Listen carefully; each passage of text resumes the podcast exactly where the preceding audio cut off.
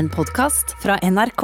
Trygve Slagsvold Vedum er leder for Senterpartiet, noe han har vært siden 2014. Og han er tidligere landbruksminister i Norge. Vedum er utdanna agronom, og har i tillegg en bachelor i statsvitenskap fra Universitetet i Oslo. I tillegg til å være politiker er Vedum gårdseier, og også en habil danser. Dette er Drivkraft med Vegard Larsen i NRK P2. Trygve Slagsvold Vedum, velkommen til Drivkraft. Takk. Hyggelig å få lov til å være her. Jeg vet faktisk ikke om det er så hyggelig. Jo, jeg tror det, egentlig. Rett før vi skulle på her nå, så var det liksom sånn ondsinnede serpevitser eh, på rekke og rad. Eh, Nei, er, egentlig er det sånn godlynt, for det kona mi er fra Fredrikstad. Og det er litt morsomt når jeg er i- Sarpsborg, så er det sånne litt morsomme vitser på bekostning av Fredrikstad. Og når jeg er i Fredrikstad, er det litt morsomme vitser på bekostning av Sarpsborg. Men egentlig er det kjærlighet, tror jeg. på bekostning av meg. Nei, jeg tror jeg mener kjærlighet. Men jeg var, jeg var så heldig. Og så var jeg på Borg bryggerier, altså bryggeri i Sarpsborg. Ja. Og da han som viste meg rundt, han, han sa at eh, det var en murer fra Fredrikstad som hadde murt opp den ene hallen. Og han hadde i forskalinga lagt inn FFK, så når de tok av forskalinga, så sto det FFK på den ene muren. Så det, så det, litt sånn derre vennlig byrivalisering, det tror jeg bare er eh, Hvem er det man rivaliserer med på Stange? Der du er fra? Nei, der er det ikke på den måten. Det er litt sånn feil, rett og gæ- altså, feil side av Mjøsa. Ja. Så på Toten så er det feil side i Stange, og på Stange så er Toten feil side. Men det er det samme. Totingene er ikke noe Jeg tror det er mest kjærlighet. Ja. Jeg tror det er ganske, ganske like, og vi har litt samme dialekt. Og jeg, til det er noe koseligste jeg gjør på sommeren, når jeg tar eh, Jeg har en sånn gammel, gammel båt som jeg klarer å få start på så vidt det er. Og da tar turen over til Kapp på Totensida og f.eks. se på urbane totninger. Det er urbane totninger. Ja, de har, Det er Norges største sommershow på Toten, og det er veldig koselig. Kan anbefales til folk. Men eh, innledningsvis her, Dansetrygve, altså en habil danser. Det var lenge at det var sånne overskrifter i mediene. Dansetrygve, det har jeg ikke sett på en stund. Nei, jeg er ikke så veldig god danser, så jeg vet ikke hvem som er lagt inn i, i eh, på Wikipedia, ja, men jeg er glad i å danse. Og det som jeg er litt opptatt av til folk, det er at dans, dans skal være glede, ikke prestasjon. Det er så mye som er prestasjon her i livet. At, eh, så jeg er ikke noen veldig god danser, men jeg er en glad danser og liker å danse. Og, og nå har jeg to døtre også på 14 og 9. Og jeg eh, Sist jeg dansa swing med, det var dattera mi på ni år. Så det, jeg syns det er koselig, da. Og jeg syns det er gøy. Så at, eh, og så ble jeg jo kjent for det, for jeg bøyer opp Michelle Obama til dans når hun var her i Oslo. Hvordan gikk det? Det gikk dårlig, så vi sa takka nei. men, men, det, men det, det var sikkert ikke helt etter protokollen, men, men, det var det var gøy, da. Og så øh, fikk jeg lov til å danse med Mette-Marit istedenfor. Hun, hun tilbød seg, da. Men det var et sånn kos... Altså det som var litt fint der, var at kona mi hadde eh, kameraten til, Michelle, Ob- nei, til Barack Obama til bords. Og det var det som var foranledningen. da. Og de kom i prat, og så dansa kona mi og han sammen, og så dansa jeg med kona hans. da. Og da sa jeg det at det var gøy å danse med Michelle Obama, så det var egentlig venneparet til Barack og Michelle Obama som eh, som eh, oppfordra meg kraftfullt til å tørre å gå over dansegulvet på Grand og, og spørre, da. Når dansa du sist med kona? da? Kona di? Kona mi? Ja, det er litt en stund siden nå, faktisk. Eh, For det Jeg tror det må være sånn eh, februar eh, i fjor. Oi. Eh, faktisk. Altså før For vi hadde noen venner som hadde et selskap, og da dansa vi der. Men eh, Så der har det vært litt stopp med pga. koronaen. Ja, hva, hva er det det er sving det går i? Ja, det er sving, ja. Det er, ja, det er sving, egentlig. En form for sving. Eh, så det er, jeg er ikke flink i det hele tatt. Men eh, det har vært veldig mye glede i det, og, og syns det er morsomt å danse med jentene. da. Så det, er, så det gjør jeg, da. Og de er mye flinkere enn meg, men vi har det da koselig sammen. i hvert fall. Ja. Er det Er du en roman... Altså, det var valentines i går. Feira du? Nei, jeg gjorde ikke det. Uh, det gjorde jeg ikke, men jeg, jeg tror egentlig at uh, det er i hvert fall veldig mye varme i relasjonen uh, med døtrene mine og kona mi. Eh, og mye glede. Og så har jeg et nyttårsforsett hvert eneste år. Det, det høres litt rart ut å ha det samme fortsettet hvert år. da, det er å Trygve, prøv å bli litt rausere. Det sier jeg til meg sjøl på nyttårsaften. Og det, det prøver jeg hele tida å tenke på i, i hverdagen òg. Være litt raus med andres svakhet, også sin egen svakhet noen ganger. For du kan jo bli ganske hard mot seg sjøl. Hva, hva vil det si å være raus? Nei, det, vet- for meg så sier jeg være raus at en f.eks. i et samliv, at den ikke pirker borti småting. Eh, ser litt stort på det. Prøver noen ganger å Jeg tenker at, ja, at det her er en bagatell, f.eks. Hvis, eh, hvis døtrene mine på 14 ødelegger noe. Altså så, Sånne ting som kan bli veldig irritert på. Kanskje har kjøpt et eller annet. Sånn som i helga, som mista iPhonen sin. og det merka jeg sjøl, at da, eh, da kan man bli litt, sånn, litt frustrert. Men etter tre timers leting og etter at mørkets frambud og eh, vi fikk ringt, så så vi plutselig en iPhone lyse ned i snøen. Så det, så det, så, så da ble det bare koselig likevel. Ja. Nei, så det, Også i politikken nå så prøver jeg å eh, Jeg har liksom sånn leveregel at jeg er knallhard på sak. Og så prøver jeg når det er sånn menneskelig svakhet, hvis en har gjort noe feil, f.eks. Sånn menneskelig feil, at da holder jeg meg unna. Eh, for det ønsker jeg ikke å bruke tid på. Hva er, Det, det er litt, det er kanskje litt enkelt sagt, men jeg sier at jeg er nok med min egen svakhet. Så hvis jeg må passe, passe på den hva er den, da? Det, Jeg er menneske, vet du. Så det, vi, ja, det er jo eh, Det er mange. Jeg tror ikke jeg skal ha en bekjennelsestime på det. Men det er, det er ikke sånn vi er hele tida, alle sammen. Vi må jobbe med oss sjøl. Prøve å se den vi møter. Eh. Huske at den har to ører. At man lytter litt. Ja. Og det er nesten det viktigste verktøyet i hvert fall jeg har som folkevalgt. Det er eh, Ikke nesten, det er det viktigste verktøyet. Og det er blitt tryggere og tryggere på det at du jeg tror veldig mange som kommer inn i politikken, tror at de alltid må komme med, med svar. Altså Hvis du kommer inn i en forsamling, at du alltid skal ha klare svar. Spesielt nå når det er folk som er i en krisesituasjon. Jeg tror det er viktig at folk skjønner at du faktisk lytter. eh, forstår bekymringa, forstår problema. Eh, og så forventer ikke folk at du kan komme der i løpet av fem minutter og løse livet deres. For at folk ser jo at eh, Man vet jo hvor vanskelig livet sitt er sjøl. Så at det skal komme en eller annen sånn mirakelperson og bare på to-tre minutter si at dette er svaret det, Og det er blitt Der tror jeg sjøl at jeg har fått en større grad av ro på ikke alltid komme med svaret, men også Men, men har, være til stede. har du en ideologi i bånn i forhold til de forventningene folk har, eller ser du på deg selv som en problemløser? Generelt, liksom. Altså Jeg har en sånn grunntanke altså det, litt sånn når jeg, når jeg var så heldig å bli partileder, så eh, så løfta jeg opp en kaffekopp. Det var det første jeg gjorde. Når jeg ble eh, valgt, så gikk jeg opp på talerstolen, så hadde jeg med en kaffekopp. Og så løfta jeg opp kaffekoppen. Så, og det, det som var poenget mitt da, det var jo hvis du har problemer, sånn som det, da var det litt problemer internt i Senterpartiet òg, snakk med hverandre. Og det er, en, det er veldig krevende. Det, det må vi jobbe med alle sammen. Hvis du, du er kollegaer du har konflikt med. Lettere å snakke om enn med. Men at man alltid snakker med. Men så var det også det å reise, reise ut, snakke med folk, lytte og være nær folk. Og jeg snakker veldig ofte om, har sikkert noen hørt, jeg snakker om at tjenester nær folk, at jeg trypper på hele Norge. Og det er liksom den ledetråden jeg har og, også i rollen min, det er å være nær folk og lytte. Og så, så håper jeg at jeg er eh, problemløser, men så, men så ligger det noen grunnverdier i bunn.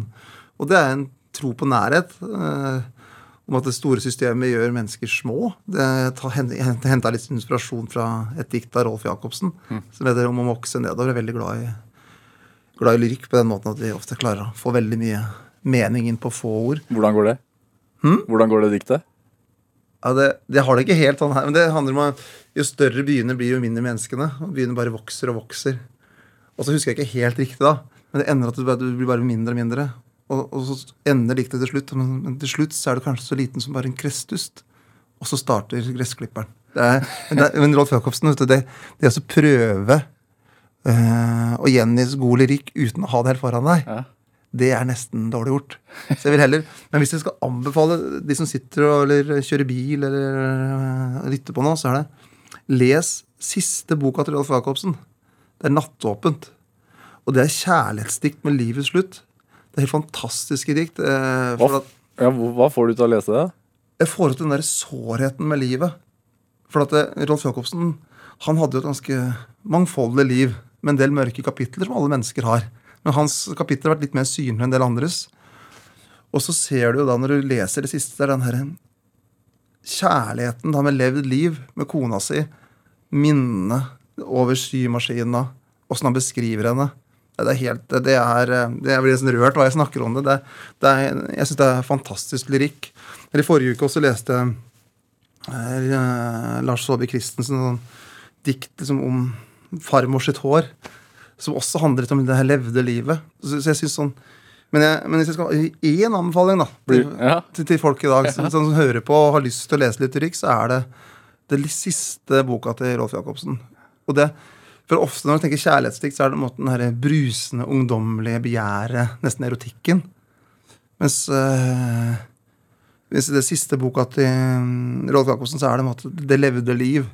Det, og all den varmen som kan bli mellom mennesker.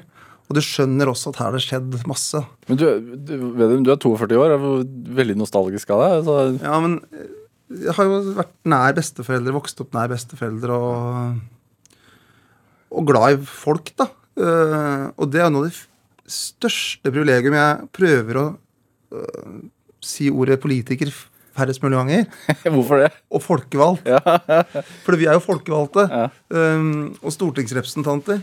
Og det som du du får jo Det er et kjempeprivilegium i den rollen her at du får møte så mye mange mennesker. Og kanskje den sterkeste møtet jeg hadde i fjor, hvis jeg kan ta det, det var at jeg var Jeg, var, eh, jeg liker når, når jeg er ute og flyr så reiser og har, ha en sånn tre-fire-fem minutters ekstra tid. En sånn avgangshale. Bare gå litt rundt. Og det her var siste uka i oktober i fjor. Gikk i den store avgangshallen på Gardermoen. Nesten ikke folk. Pga. koronastemninga. Altså, du merker at det er andre tider. Og så ser jeg da borti eh, en av inngangsdørene så er det to karer som driver og samler inn sånne bagasjetriller. Og så går jeg bort mot dem. da. Og så er de også litt kontaktsøkende, så begynner å prate. Og han ene karen der, han skulle, var snart 60 år. Og hans siste arbeidsdag var 1. november. Eh, og han forteller da videre at eh, i, mars når, så var det 75 stykker som jobba i den, delen av Gardermoen som han uh, jobba med. Og på det tidspunktet den når 1. november kom, så var det fem stykker igjen. Og, og da eh, Den type møter, da, når han på en måte forteller om at han må ut, begynne å ta sertifikat, kanskje Kanskje må begynne å ta en ekstra utdannelse. Det gjør enormt inntrykk. Eh, og du kjenner også på ansvaret. Men da turte jeg, akkurat i det møtet så turte jeg, og istedenfor å si at vi har foreslått det det tiltaket, så spurte jeg hva, hva mener du at jeg skal gjøre? Har du, har du idé, har du noen tips til meg? Hva vi blir gjort på Stortinget? Og da svarte han, da svarte han egentlig bare at, eh, bare at du snakker med folk. Det var svaret, altså. Men jeg kjente, Og det var noe av det som kanskje har gjort flere sånne runder i fjor. Og så møtte folk som jobba i Norwegian. Da fikk jeg litt kritikk for. for at jeg, jeg stilte opp en markering foran Stortinget, og så tok jeg på meg Norwegian-slips. Og det fikk jeg litt kritikk for. altså Det var eh, veldig negativt sett fra noen politiske motstandere. da. Eh, men for meg, så når jeg, når jeg sto der og så snakka, så var det flere av de som eh, man møtte som sto og gren. Altså bokstavelig talt gren. Eh, og da tror jeg det handla nesten, nesten bare om at jeg, Selvfølgelig så er jeg enormt opptatt av at de skal klare å sikre jobben deres, men også det at de følte seg sett. Og det er viktig at det vi som er folkevalgte, ser. Og derfor så, og, og, og, Nå snakker jeg altfor lenge, kanskje. Du må bare stoppe meg. Men det ordet respekt, du, som, vi, som ofte blir litt misbrukt nå, at respekt er at du skal være litt tøff og barsk. Ja. Men, eh, men egentlig så er jo hvis du går liksom Ord er jo litt spennende hvis du går liksom til kjernen. Altså re betyr jo Og spekt, specsavers tenker alle på. Det er, jo det, det å se. Så respekt handler om å gjense. Eh, og det er jo den Når vi er folkevalgte, eller når vi har ansvar, eller når vi har makt, eller når vi ser kjæresten vår eller kona vår, så er jo den beste måten vi kan vise respekt, det er å tenke på selve ordet. Det er altså gjense den du faktisk møter. Og, Blir det blir litt borte i TV-debattene vanligvis. da. Blir du nesten litt rørt av å tenke på det der? Ja, jeg blir rørt av det. Ja. Og så blir jeg, jeg, blir- jeg blir berørt av det. For at eh, du føler veldig stort ansvar òg. For jeg er så heldig å få lov til å være på Stortinget. Jeg er så heldig å få lov til å være partileder. Og jeg veit at noen ganger når jeg kan engasjere meg i en sak, så kan jeg flytte på milliarder. Sånn, det er jo ikke, milliarder er jo ikke noen følelser i. Men jeg veit at de milliardene, eller de vedtakene, kan endre folks liv. Og det, så det ansvaret kjenner jeg på hele tida, egentlig. At det handler om naboen min, det handler om han karen jeg møtte på Gardermoen. Hun dama som sto og gren foran meg på, foran, på Stortinget. Og at det, når du liksom syns det, det ene møtet etter det andre kan bli litt sånn langtekkelig, så er det det som at det hele tida er rettesnoren min. Hvor, hvor viktig er følelser for, for deg, sånn politisk? Ja, det er veldig viktig. Et liv uten følelser er ganske Da blir det fort kynisk. Uh, og, og så er det det som at det, eh, det som jeg tror en del kan bli litt fartsblinde på, spesielt når de går inn i sånn ungdomspolitikken Hvis du går mellom sånn PR-byråer, politikk og, altså i en slags sånn greie, så kan, det, så kan politikk oppleves noen ganger som et spill. Mm. at det blir snakk om posisjoner og alt det der. Men til sjuende og sist handler det om eh, livet ditt og livet mitt. At du skal trygt på sykehjemsplassen, at skolen skal fungere, at du skal ha jobb. Så derfor så øh, så er øh, det å ha et øh, politisk verv er veldig alvor. da. Men du må se, hvis, du ikke, men hvis du ikke har følelser der, sånn, så kan det bli kynisk, og da, da må du finne på noe. Det, det at du sa at eh, du hvert, hver nyttårsaften så sier du til deg selv nå må jeg bli mer rausere. Hva er det som utløser det, det Hva er det som utløser det at ok, nå, nå må du bli mer rausere, Trygve? Det er noe, du må ha noen idealer i livet. Ja. Uh, altså, alle har vi noe å strekke oss etter. Altså, kan det være litt sånn Selvfølgelig tilfeldig at den setningen uh, At jeg begynte å si den til meg sjøl. Men jeg prøver å jobbe med det hele tida fordi at uh, Men er det situasjoner du havner i hvor du tenker sånn Der var jeg ikke Jo, ja, det er det. For, det kan, for, eksempel hvis du merker at, eh, andre, at du syns andre kan opptre litt smålig, for eksempel, da, så er det veldig fristende å bli smålig tilbake igjen. Eh, men så har jeg en, sånn, en annen liten sånn setning, da, og det, det er selvfølgelig kanskje litt sånn livsmanipulasjon òg, da, men altså, tenker du smått, så blir det smått. Det, altså til meg sjøl, da. Hvis, ja. meg selv, men hvis du tenker smått, nå blir det smått på det her, så blir det smått. Eh, Så er det jo ikke selvfølgelig sånn tenker du stort, så blir det stort. Det er jo ikke sånn i, seg, i sin natur. Men det er noe med, også, med litt med livsholdning. Og så har jeg fått det litt øh, Jeg vil nok tilskrive faren min litt øh, øh, æren, da. for de her Den måten å tenke livet på. For han hadde en veldig mye sånn røffere start på livet enn meg, men han har klart å ha et sånn veldig lyst sinn gjennom alt. Og også når jeg som guttunge krasja bilen, liksom eh, Ikke liksom, jeg gjorde det. så det var ikke noe liksom i det hele tatt. Jeg, gjorde det. Hvordan så- krasja du bilen? Nei, Han hadde kjøpt en ny bil, faktisk. Og krasja hans bil. Ja, ja. Og så skulle jeg da vise meg litt fram for noen andre, for jeg skulle kjøre litt ekstra fort. For jeg syntes det var litt gøy. Men så kjørte jeg veien, og den krasja. Og eh, i motsetning til Sinne, faren min, det var ikke, ikke antydning til sinne. Han skjønte at det var så mye dårlig samvittighet til den gutten uansett. Så det var bare å ordne opp og eh, Og jeg måtte bare ordne opp, og så gikk det videre. Og sånn har jeg egentlig opplevd. Det har vært tydelig, men det har vært varme og kjærlighet. da. Eh, Trygve Slagsvold Vedum, altså vi har jo hatt en sånn partilederstafett her i Drivkraft. Eh, alle partilederne har vært der. Eh, og vi avslutter i dag med deg. Og så, Siden du er da sistemann ut, så tenkte jeg at vi skulle gjøre en litt sånn annen vri i dag. Eh, og jeg har tenkt at vi skal ta en sånn ni raske spørsmål med Trygve Slagsvold Vedum. Ja, ok. Er du med på det? Det er bare stille spørsmål. Ja, ok, skal vi se. Skal vi- Skal vi se her om vi får gjort det. Jeg er ikke sikkert jeg klarer å gi gode svar. men Det vi, vi prøver, vi må begynne med en sånn jingle, tenker jeg.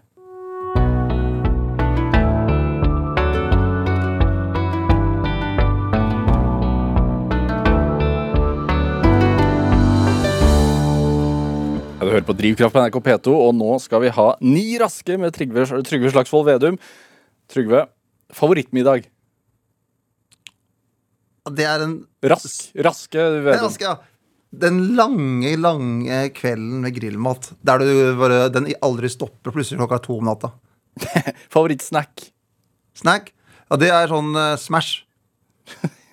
Yndlingsroman? Jeg begynte på Hekneveven i går, så da, men eh, jeg vil si Yndlingsroman, altså. Nei, den, den boka jeg har løfta fram eh, flest ganger, det er Cecilie Engers 'Himmelstormeren'. Den vil jeg anbefale folk hvis de skal lese en god bok. Favorittfilm? Ja, Det vet jeg ikke. Ser ikke film. Jo. Jeg kan ikke si det høyt. Den jeg har sett flest ganger, er Love Actually, og det er nesten flaut, vet du. Kos meg med den. Beste årstid? Midtsommer. Hæ? Midtsommer. Så, Midtsommer. Ja. Favorittreisemål? Det er så vanskelig å velge. Kom igjen. Nei, da må jeg øh, Favorittreisemål? Nei, jeg syns kanskje Noe av de beste sommerferiene jeg har hatt sammen med jentene, det har vært når jeg har vært øh, i Italia. Men det, i, i vinteren så er det å gå på ski, egentlig. Så det varierer litt på årstida. Favorittvin? Uh, der har jeg én, for det er den eneste jeg husker. Og det er Baron de Ley. Hva slags vin er det? Det er noen spansk rødvin. Det var den jeg fant. Så det, den gikk jeg. Godt til viltmat. Ja, det går- altså, jeg er veldig lite flink på sånt, da. Så, så, så, Favorittrestaurant i Oslo? restaurant Det har vært Det er en som heter Kafé Steinbra på, på Grorud, som er veldig koselig. Det er ikke en restaurant, nå, men det er koselig der i hvert fall. Hva spiser du der? da? Ja, det er sånn eh, karbonader og sånn. Men eh, restaurant restaurant er det selvfølgelig et sted der de serverer jo, jo, jo, karbonader. det- det- det- Si noe annet, da. Den koseligste restauranten i Oslo sentrum. Da. La oss tenke på det, da. Jeg syns det er fint oppe på festningen der. Da kan du sitte og se nedover mot uh, Aker Brygge. Der er det noen på sommerstid. Drømmeyrke som barn. Og det var veldig mye forskjellig. Alt mulig. Alt fra brannmann til eh, pilot eh, til eh, forsker på NUPI til bonde.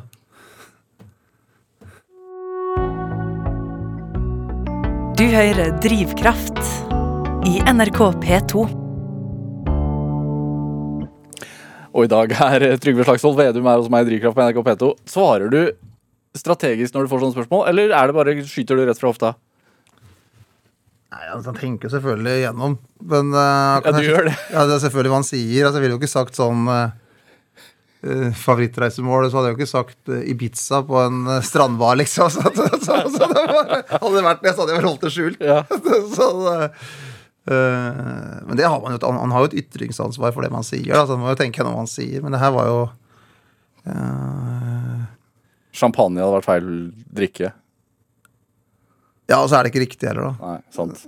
Men er det fordi du- Det man sier, ja, hvor vesentlig er det? Sånn som med at du har jo fått rykte på deg for å tale ned eh, caffè latte-drikkende Oslo-folk. Men det stemmer ikke helt. Jeg tror, altså, jeg tror aldri jeg har sagt eh, sånn det med caffè latte-drikkende Oslo-folk. Men, det har blitt, men, jeg, men jeg ser at det har blitt tillagt det i veldig mange kommentarartikler. Eh, der har det blitt skrevet og sagt at jeg har gjort det, men sånn som introduksjonen din i stad For det, jeg tror du var helt overbevist om at jeg har sagt det mange ganger. Eh, men jeg tror ikke jeg har gjort det.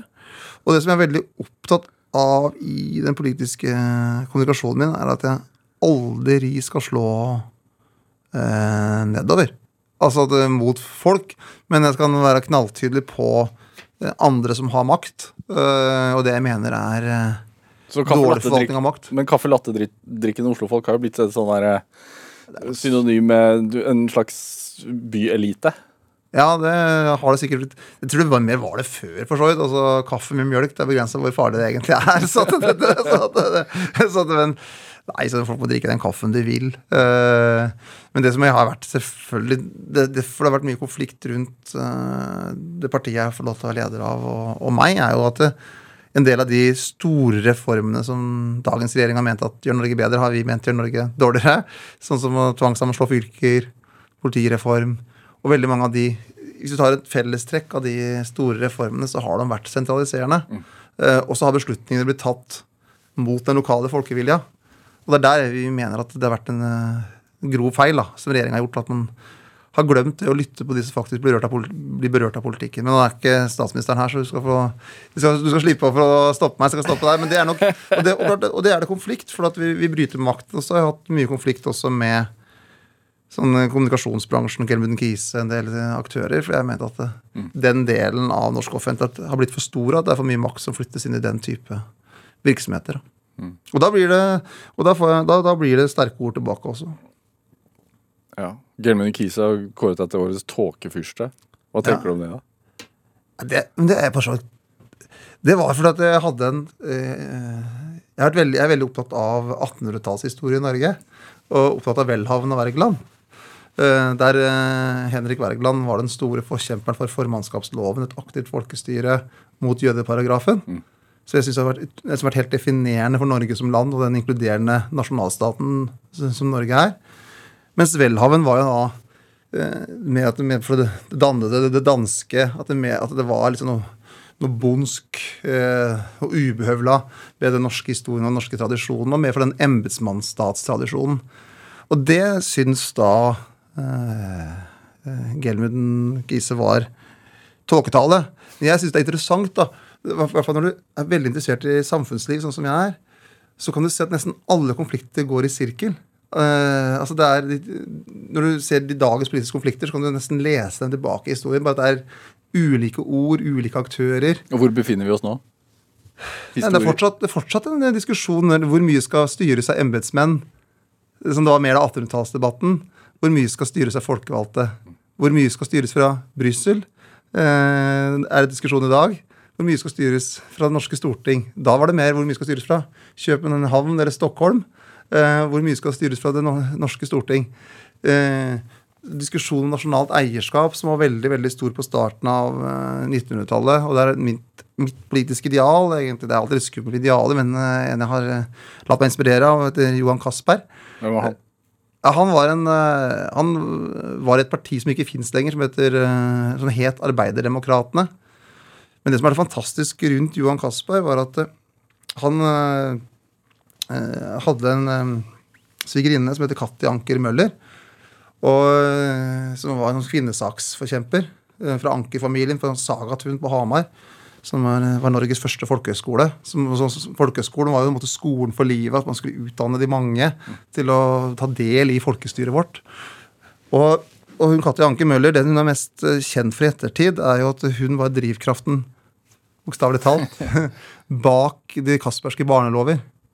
For at de, både Johan Kasper og Ann-Katja Ankermøller så hvor mye problemer det var med såkalte løsunger. Det var helt grusomt.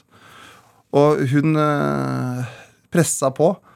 Og Johan Kasper, som da ble sosialminister, og også vært justisminister, klarte å utforme da en barnelovgivning som gjorde at det, den som da var biologisk far, skulle ta ansvaret for barnet. En fantastisk reform. Sigrid Undset var en av de største motkreftene for hun mente at hvis det ble sånn at uh, far måtte ta ansvar for barnet, uh, så ville kvinner bli mer løsslupne.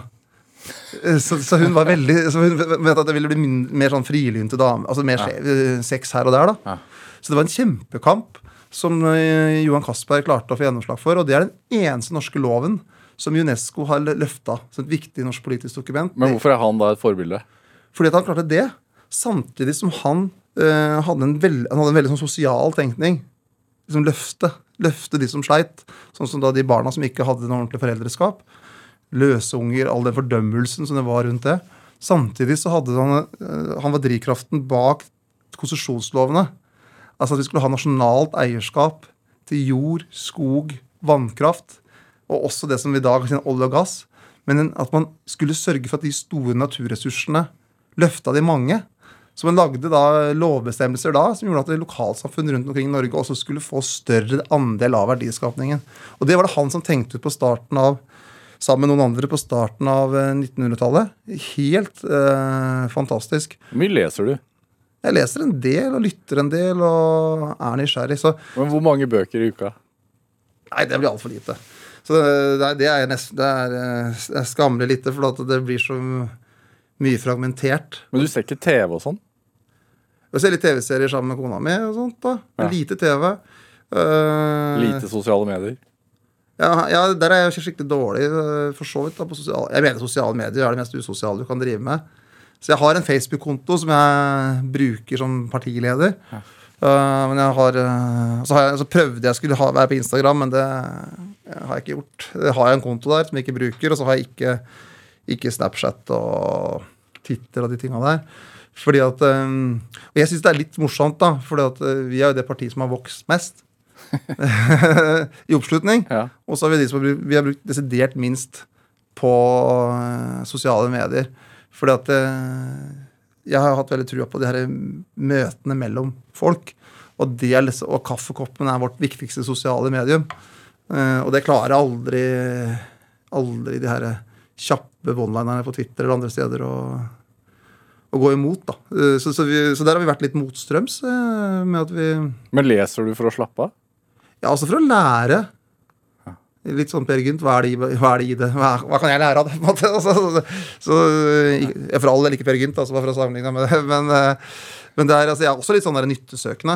Så, så, nå, Norsk historie? Ja, nå siste jeg leste, nå var det Terje Tvedt sin bok. Han har gitt ut med historien som verdenshistorien med historien som speil. eh, som er en eh, Og Mytting, som du nevnte i sted. Og Ja, han er jeg kjempeglad i. ja, og Rolf Jacobsen, da. Ja, og Hans Børli. Hvor mange bøker har du gående samtidig? Nei, nå er det bare én. Nå er det bare Hekneveven. Ja. eh, som jeg begynte på i går. For jeg syns 'Søsterklokkene', som var måte forløperen, da, synes jeg var en helt strålende bok. Eh, så til de som ikke har lest den, så den er veldig bra. Men jeg, jeg har skjønt noen må bruke en sånn eh, Det er litt kamp de første sidene. eh, men når det først kommer inn i historien, så syns jeg den var veldig, veldig bra. Ja. Hva er det? Hvor god hukommelse har du? Helt vanlig, tror jeg. egentlig. Men du siterer jo og husker navn, og det var Jeg, jeg, jeg syns nå i, i forhold til den samtalen her at det virker som du har en ganske imponerende hukommelse. Nei, men Jeg kan huske litt det man er interessert i. Ja.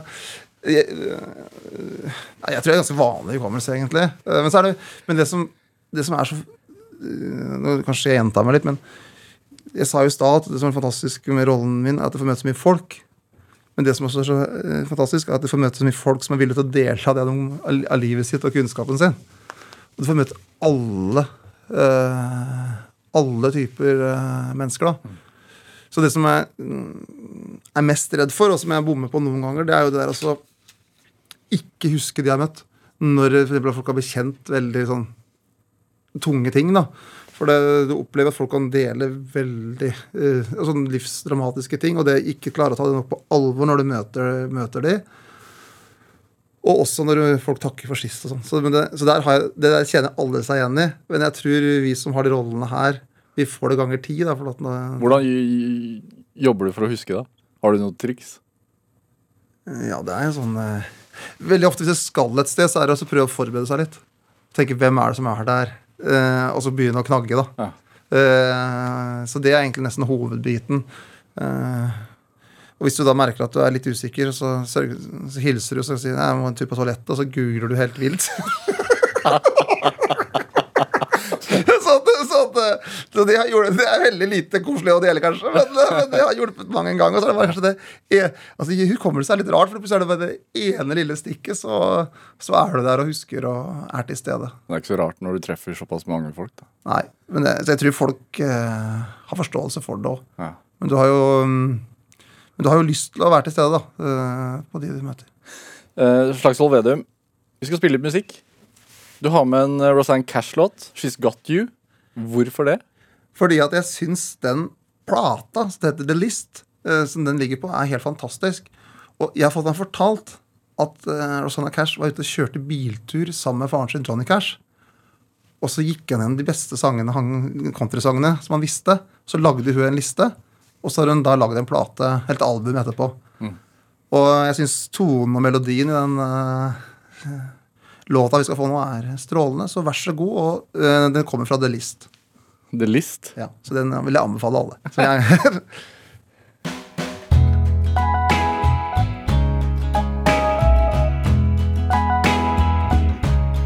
I've got your picture that you gave to me, and it's signed with love, just like it used to be. The only thing different, the only thing new. I've got your picture. She's got you. I've got the records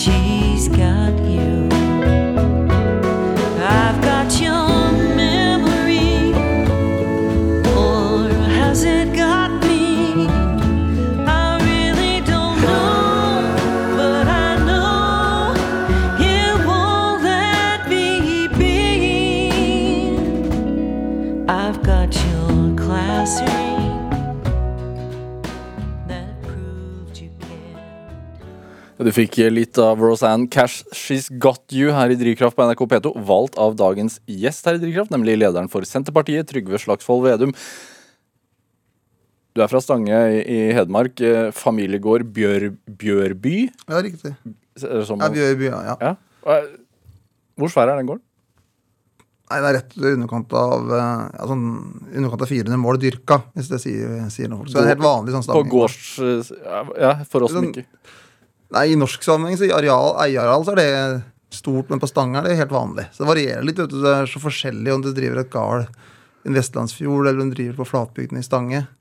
Og hvis du drar ut av Norge, så er det ingen verdens ting. Det er, det en miniputt.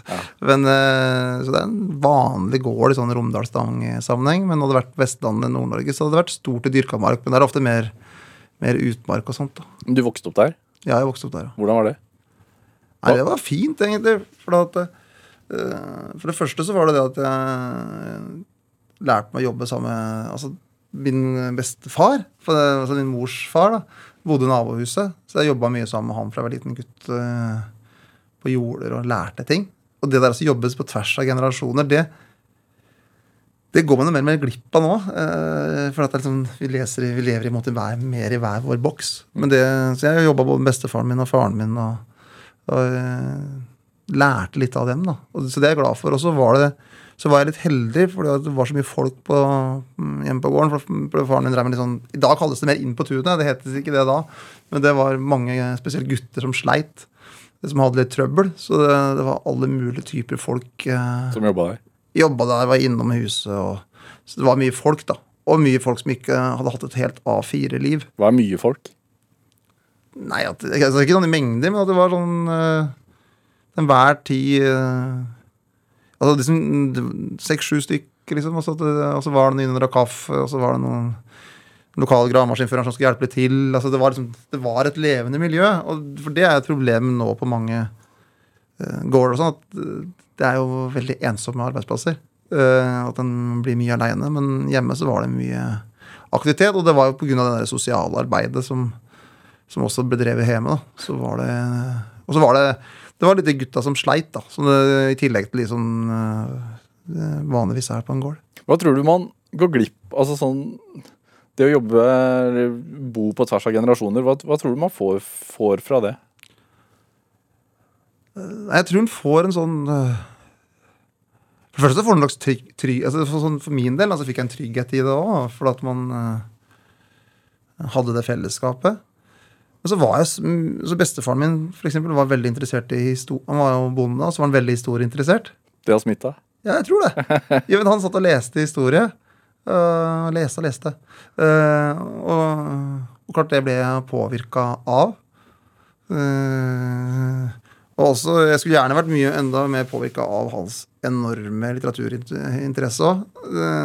så jeg er jo ikke i nærheten av det. Så jeg ble inspirert av det og så litt opp til det. da Det var Masse bøker i hylla hjemme? Masse bøker. Ja. Eh, veldig, veldig interessert. Og pløyde alt av bøker, egentlig. Så I tillegg til å være på jordet, så når jeg ikke var på jordet, så var det lesing som var liksom den store interessen. Så at, øh, og oss barnebarn og alt det som hører livet til, da, selvfølgelig. Sånn kos. Så at um, så, så det var det, og så og og også det der at jeg fikk sett min bestefars bekymringer òg. Altså Den, den romantiske sida er jo den, men også at han var bekymra for vær og vind. Og, altså Bokstavelig talt, egentlig. Uh, så jeg er egentlig glad for jeg har sett den sida òg. For at det ofte, hvis du sånn Mine barn har veldig nært forhold til sine besteforeldre, ja, men kanskje litt mindre tett på i hverdagslivet. da. Og, og for, for meg så Men kunne du bli bekymra over hardt regnvær som barn, liksom? Nei, ikke sånn veldig. For jeg hadde en eh, far som var veldig sånn forskånet på det. For så vidt. Hvordan da? Nei, så Faren min altså, han har jo hatt en veldig Han hadde jo en veldig eh, Han mista begge foreldra sine var eh, mora si var sju, og faren sin var tolv. Så han fikk en veldig røff start på livet. Men så var det en eh, dame som het Oline, som, som min bestefar Trygve gifta seg med på dødsleiet. For å sørge for at eh, min far fikk en trygghet. da. Og hun var jo en gave for faren min. eh, som ga en form for kjærlighet og varme som, eh, som han da trengte, for det var ganske, ganske røft. Og jeg tror faktisk, med den røffe bakgrunnen til faren min hadde, at det, kunne måtte skjært veldig ut òg, for det var, var ikke bare lett. Så, så har det gitt en slags sånn trygghet og ro, egentlig, at det meste ordner seg. Og det er jo, For en usikker gutt så er det fantastisk å ha en sånn far som Hvis det var, skulle være en eksamen sånn, Det er ikke så farlig. Det går bra. Og hvis de hadde gjort noe gærent, så, så var det liksom en sånn trygghet der. Er du skrudd sammen sånn? Jeg prøver, det. Og så har jeg eh, Augustin. eh, Han hadde en sånn læresetning som jeg har skrevet litt om. Eh, Og det er en sånn fasthet i det sentrale. Altså, noen ting må du være fast på uansett. Som ikke krenke andre. At du må ha noen faste punkter. Romslighet i det perifere, og varme i alt. Og det er, eh, det er akkurat sånn Augustins sitat er. Hvem, hvem var Augustin? kirkefader som har levd for, 100, eh, for 1000 år siden. Og, det, og han sa veldig mye jeg er veldig uenig i òg. Men det som er så fantastisk, er jo at noen sånne ting som det er livsvisdom for 1000 år siden, kan være livsvisdom eh, en dag i dag. Hvor, hvor, nå, nå får dere være litt rause med dere som er eh, teologer her. Hvis jeg sier det litt feil, eh, så får dere være litt rause. Men men hvordan fant du han? Nei, det er egentlig eh, Også litt sånn Anne Enger, som var tidligere partileder. Hun også brukte den der eh, Den setningen. Og så eh, har jeg måttet funnet litt tilbake igjen til det sjøl, da. Og så syns jeg det er en god setning. Eh, og jeg opplevde litt den der eh, oppveksten jeg hadde, egentlig litt sånn sjøl òg. Det var, mye, det var fasthet, veldig tydelige rammer, men så var det en romslighet, og så var det varme. Eh, og så var det det som Og så var nabo til Ilseng fengsel. Så at de, jeg var en veldig liten gutt, så var det også mange av fangene som eh, hadde lager på låven. Så veldig mye av fangene også var neppe på gården. Og jeg, jeg tror Det må ha vært spennende på et vis. ja, jeg tror det. Og så tror jeg også det var litt bra, for jeg tror faren min fikk et veldig sånn sosialt engasjement. På grunn av sin, han, var så heldig at det var noen som tok seg av han, og han øh, var en guttunge og hadde trøbbel. Og det har gjort at han har Jeg har fått, uh, fått, en sånn, øh, jeg har fått det med meg. da. Og at livet er ikke helt A4. Altså, det er ganske røft. Og vi hadde også uh, kontakt med innvandrerfamilier som kom til Norge. Og hvor vanskelig, vanskelig det er. Og hvor den setningen jeg bruker som brukte i stad, store systemer, menneskene små. Og, jeg- og jeg synes noen ganger når du ser det offentlige virkemiddelapparatet, så blir det sånn store systemer, og så blir enkeltpersoner umyndiggjort. da, mm. Og fratatt muligheter istedenfor hjulpet. Og derfor så er den der grunnleggende troen på, på nærhet, at det skal være beslutninger nært, at tjenester skal være nært, eh, jeg tror det bunner veldig eh, derfra. Eh, For da kan du faktisk se mennesker, og da har vi alle, nesten uansett ballast, eh, ganske mange kvaliteter. Hvordan var faren din prega av at han mistet foreldrene sine så tidlig? En det, det er nesten rart, egentlig, men det er nesten sånn velsigna avslappethet.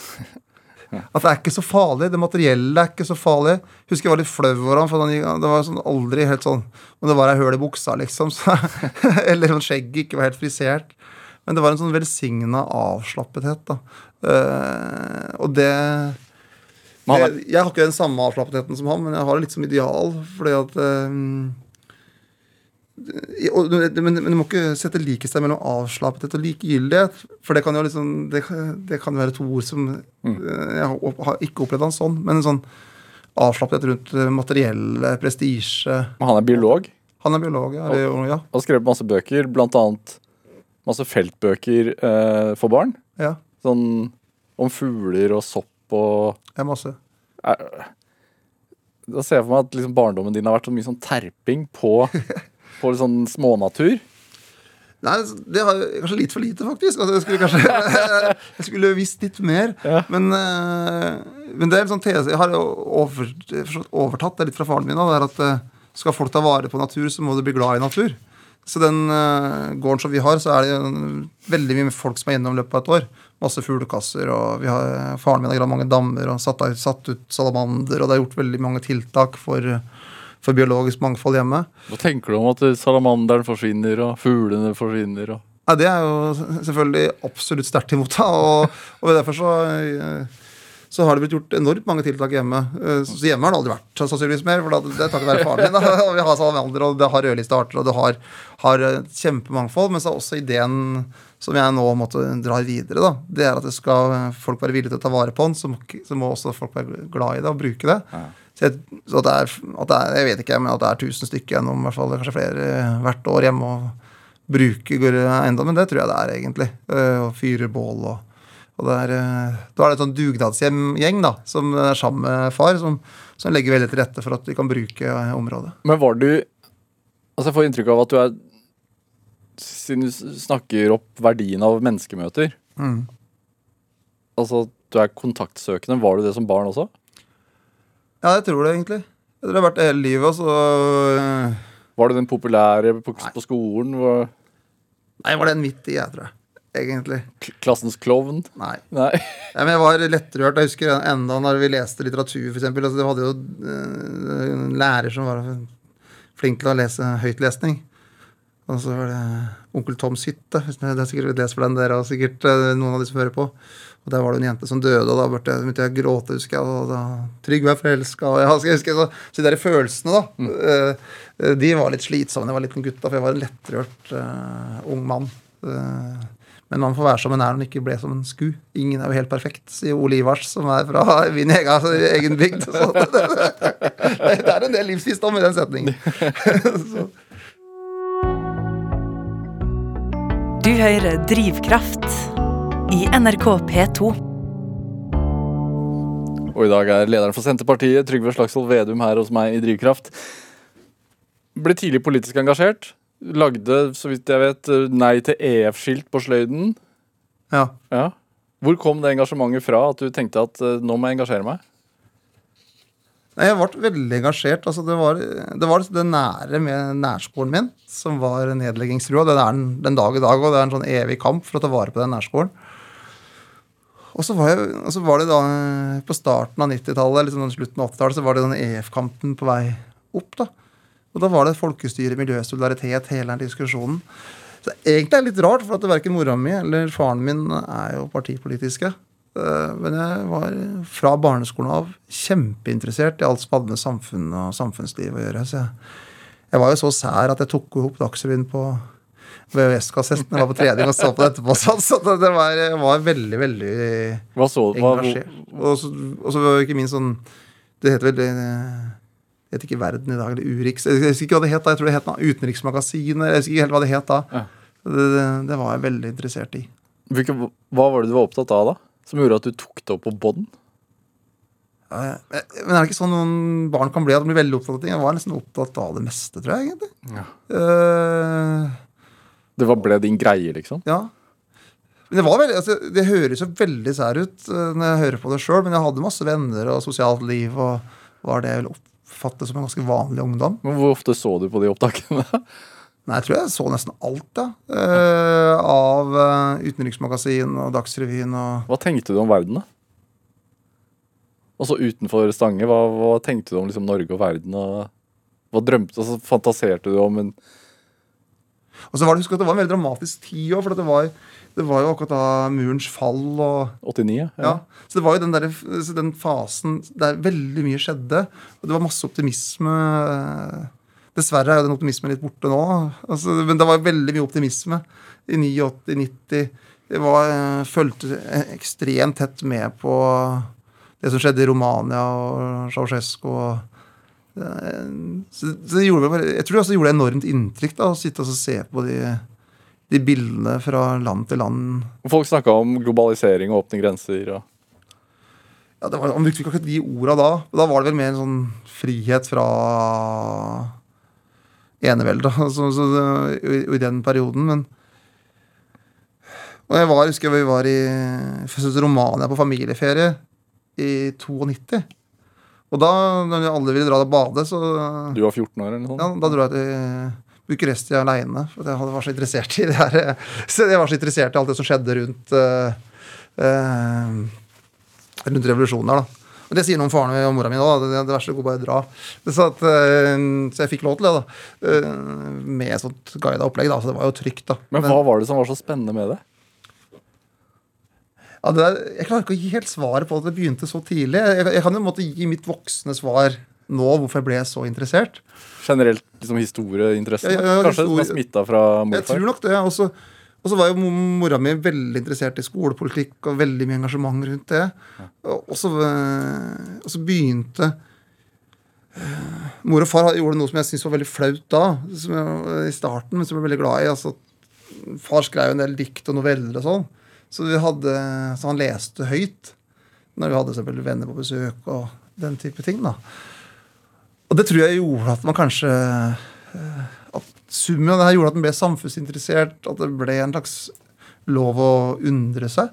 Eh, Men hvorfor det ble så interessert så tidlig, det, det får jeg nok aldri svar på. For jeg husker ikke helt åssen Trygve eh, 10-11-12 år eh, var. Hva, hva undrer du deg om nå, da?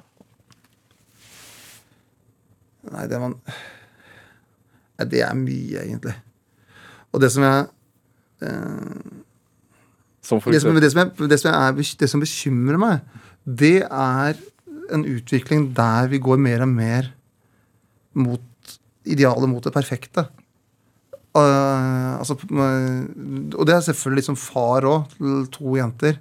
Hvor jeg synes at det, måte, prestasjonspresset Det oppleves mye større prestasjonspress mot de enn det var når jeg var på den alderen. Og også i politikken, der liksom, hvis folk gjør menneskelige feil, og sånn, så er det så, det er så nådeløst. Vi må ha et samfunn med, med mer nåde, der vi, måtte, der vi har nåde med hverandres feil. Uh, og hvis en uh, Sånn som da Per Sandberg, da, så han ble forelska. Det er uh, veldig vanlig å bli forelska. Så kan det spørre om det var lurt for han eller ikke. Men han ble forelska. Og så er det så nådeløse reaksjoner. Og for at han tok med seg en telefon til eh, Kina. Og så vet du egentlig at nesten sikkert hver tredje stat har gjort akkurat samme feilen. Men så er det akkurat som at det er bare sånn eh, Ira, Iran, ja. ja. Var, jeg tror det var telefonen til Iran, ja. Iran, ja. Ja, ja. Iran. Så er det bare å kaste inn, kaste inn.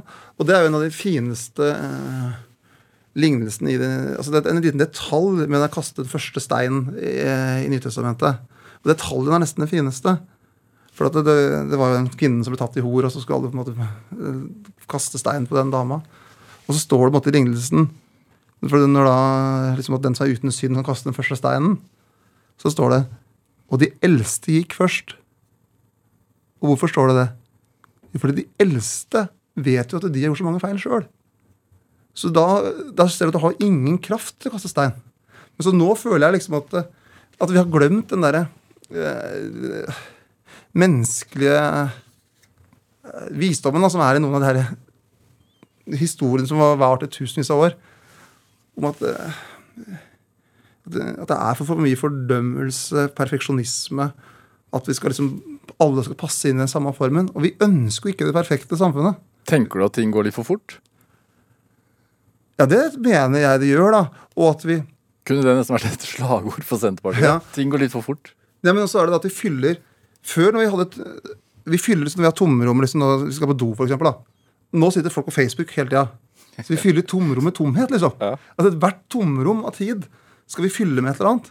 Og jeg tror ikke jeg, jeg, jeg, Nå er det jo fastetid. Det er begynt akkurat nå. Faste, altså Vi er jo en fastetid ned mot påske. Og og jeg tror jo at vår tids eh, faste, egentlig Det burde være faste fra skjerm. At vi skal bare ha tid til å tenke, tid til å være, tid til å se, tid til å kjede oss. Uh, og det For det er et sånn jag som jeg tror eh, En ting er jo for meg, men en annen ting er for den der 14-15-åringen som skal likes og likes og deles. Og der har for alle vi uh, som er samfunnsledere og har talerstol, vi har, vi har ansvar for å måtte gi litt sånn motvekt. Hvordan får man til det, da?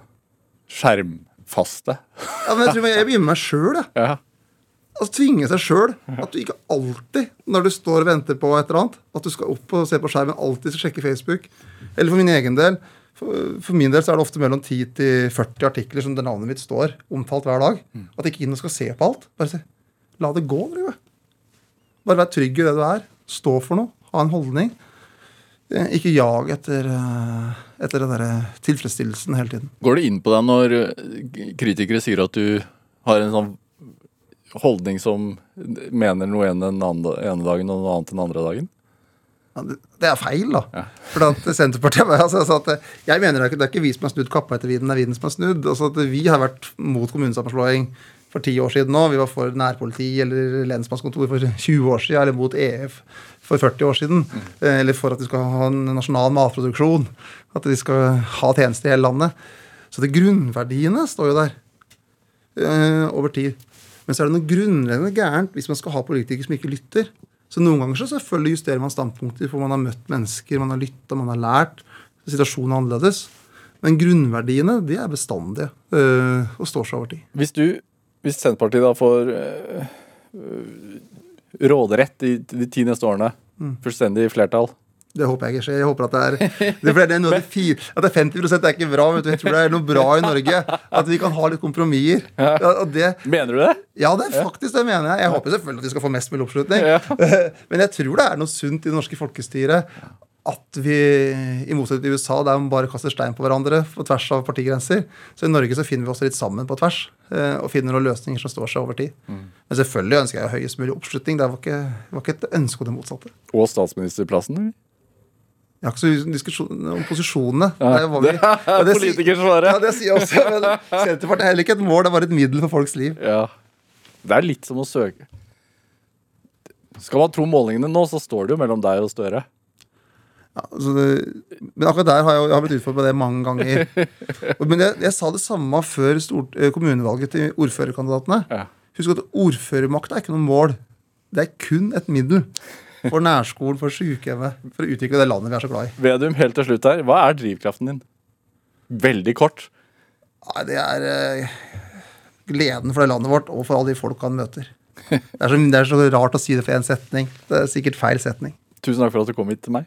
Hyggelig å være her. Produsent i dag i Drivkraft, det var Kjartan Aarsand. Eh, Pål Arvid Jørgensen og Anne Sofie Stang bidro også sterkt til denne sendingen. Eh, du kan høre flere samtaler i Drivkraft i NRK-appen eller laste oss ned som podkast. Og send oss også gjerne ris og ros og tips til mennesker som du mener har drivkraft. Send en e-posten til drivkraft.krøllalfa.nrk.no. Vi hører veldig gjerne fra deg. Jeg heter Vegard Larsen. Vi høres. Du har hørt en podkast fra NRK. Hør flere podkaster og din NRK-kanal i appen NRK Radio.